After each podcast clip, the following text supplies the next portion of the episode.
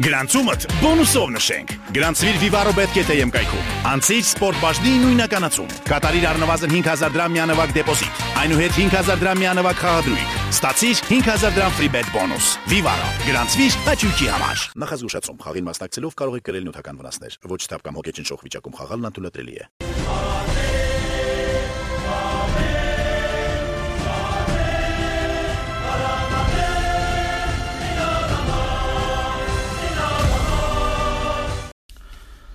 Բարև ձեզ, սիրելի մադրիդիստներ։ Առավոտը մեր համար այդքան էլ բարի չէր Չեմպիոնների լիգայի Չելսիի հետ պատասխան հանդիպումից հետո։ Կարծում եմ, որ դուք էլ բավական նյարդայնացել եք երեք, բայց ինչ արած։ Պապա Պերես ոդկասթը շարունակում է իր ընթացքը եւ հուսով ենք մեզ դեռ շատ լավ օրեր կսպասվեն Ռեալ հետ միասին։ Ես Ռոբ Ռաուլն եմ, Իշխան Մելքոնյանն է մեզ հետ։ Բարև ձեզ։ Տխուր է, տխուր եւ դժվար սկսել եւ քննարկել Ռեալի վերջին Կարմիր թե սև խաղի նման սկսեց այսօրվա մեր առաջին առաջին ցերեկը ոչ ոք ոչինչ չունի չասելու, բայց ցավոք դա մեր առաջին ցերեկը չէր այսօր, այլ վերջին գիշերն էր Չեմպիոնների լիգայի հետ եւ մեզ այնտեղից այնպես դուրս թողեցին, կարծես մենք ինչ որ նորաթուխ կլուշ լինեինք Չեմպիոնների լիգայի խաղարկությունում, այլ ոչ թե Մադրիդի Ռեալը, ով 30-րդ կիսաեզրափակիչներ խաղում տխուր էր ռեալի խաղի մասին մի փոքր զրուցենք եւ փորձենք հասկանալ թե ինչը մեզ դուրս թողեց, ինչի պատճառով դուրս մնացինք Չեմպիոնների լիգայի խաղարկությունից։ Իշխան, ինչպես կբնութագրես այս երկու խաղերը, ինչ կարծիք ունես։ Առհասարակ կարծում եմ, որ Չեմպիոնների լիգայի այս խաղարկությունից դուրս մնալը վերջին տարիների ամենադրամաբանականն էր, այսինքն ինչ որ հավելյալ գործոն չկար, որ կարող ենք ասել, չգիտեմ, ինչ որ մեկը վատ խաղաց կամ ինչ որ մի բան այն չէր, ոչ, պարզապես ես կարծում եմ, որ շատ դրամաբանական ձևով Ռեալը հասավ մինչև այստեղ, սա այս Ռեալի մաքսիմումներ, գագաթնակետներ, որ կարելի էր հասնել, պարզապես սպառվեցին ֆուտբոլիստները թե ֆիզիկապես եւ թե եւս մեկ անգամ ապացուցվեց, որ Ռեալը կազմային, կադրային հեղափոխության շատ լուրջ կարիք ունի, հատկապես հարցակման գծում Բենզեման միայնակ չի կարող։ Կարող է առաջի խաղում, չգիտեմ, 1 գոլ խփել ինչ որ կերպ վտանգ իրենից ներկայացնել, բայց միայնակ ոչինչ անել չի կարող, դե դաշտի կենտրոնն էլ մենք տեսանք Չելսիի նման իդեպ ինտենսիվ ֆուտբոլ խաղացող մրցակից չէինք ունեցել մինչև հիմա նրանց կիսապաշտպանները ուղակի հիացնում էին այն այնքան արագ էին աշխատում թիմային տեղաշարժը այնքան արագ էր որ ռեալը ուղակի չէր հասցնում շնչել հենց պրեսինգը պրեսինգը այո կորտուան ամբողջ օրը խաղի մեջ էր կորտուանից թվում ավելի շատ խաղաց քան թե Էդեն Ազարը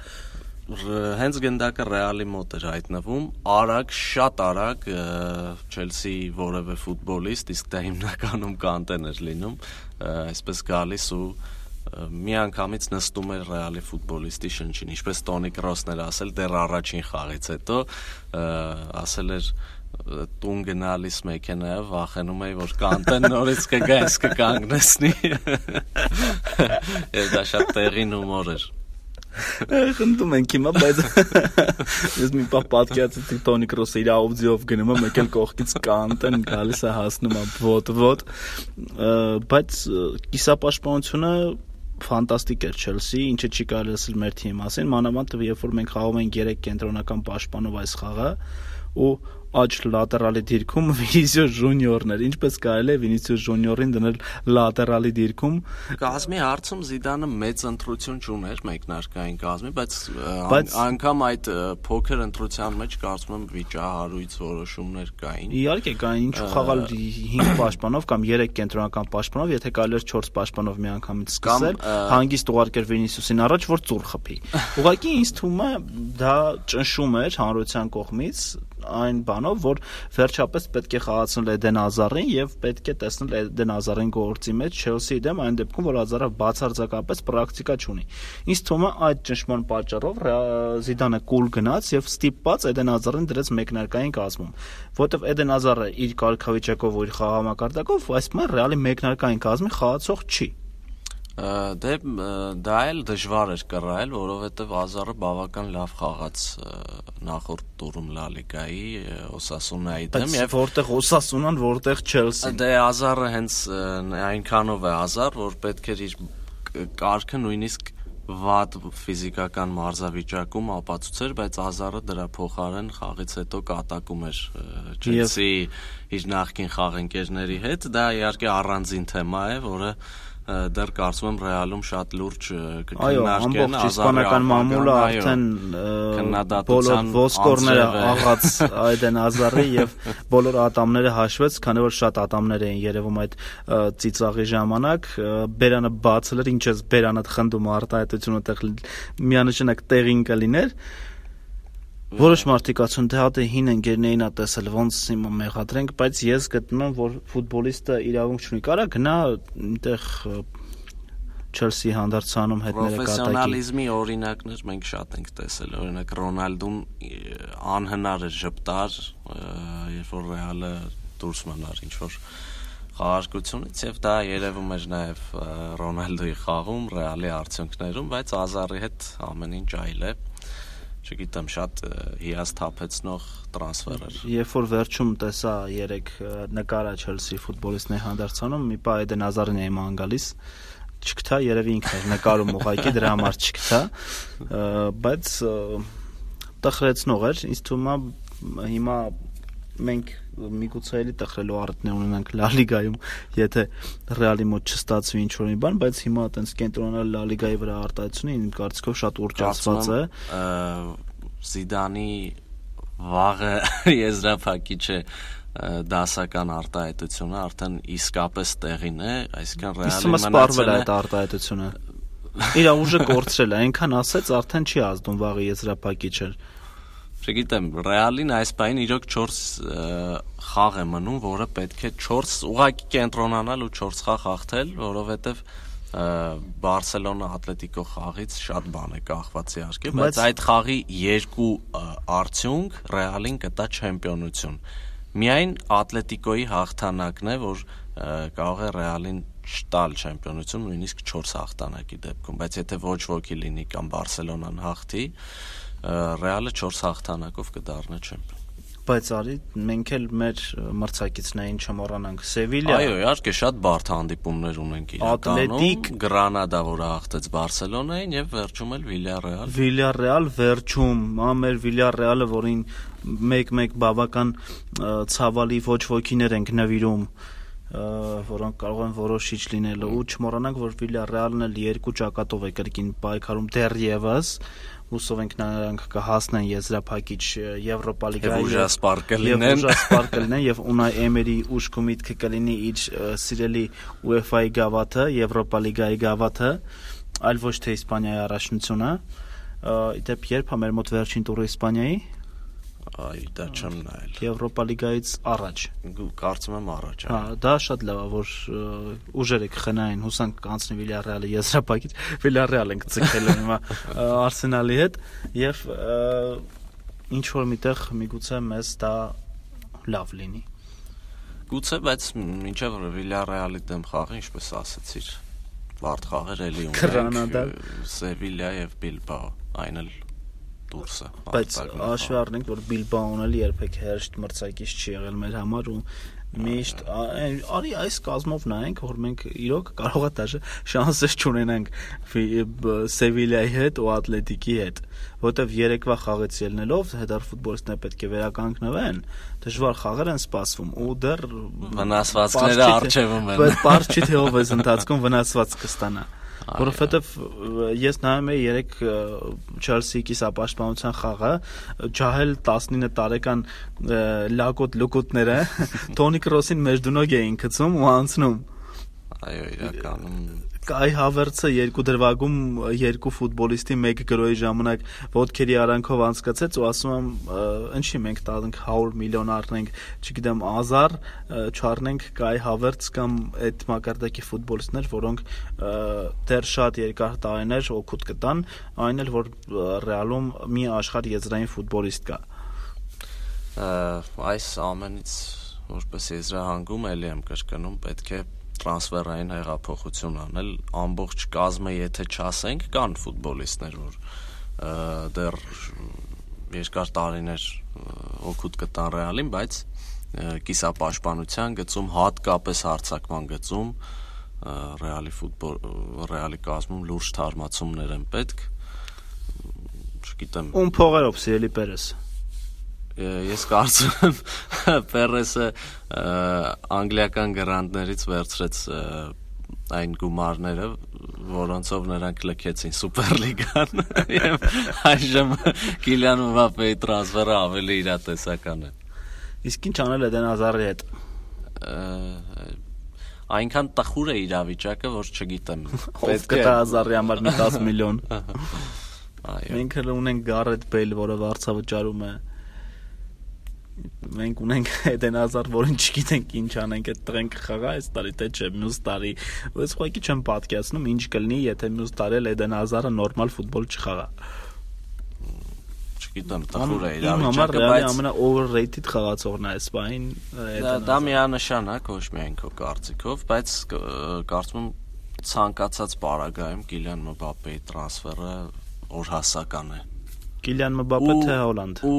Մբապե նախ, որովհետև մենք դեռ ունենք կենտրոնական հարցակվող։ Եվ այն էլ ինչպիսի կենտրոնական հարցակվող։ Այո, եւ բացի դա Մբապեն այնպիսի ֆուտբոլ է խաղում ու այնպիսի դիրքում, որ կարող է իր խաղով փոխել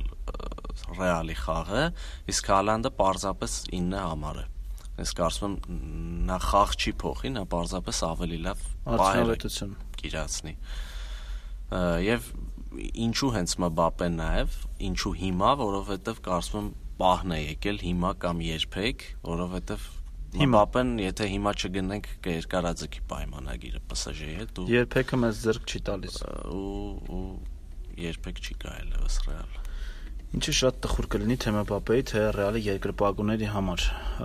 Ինչու չխաղաց Անտոնիո Բլանկոն ըստ քեզ։ Դե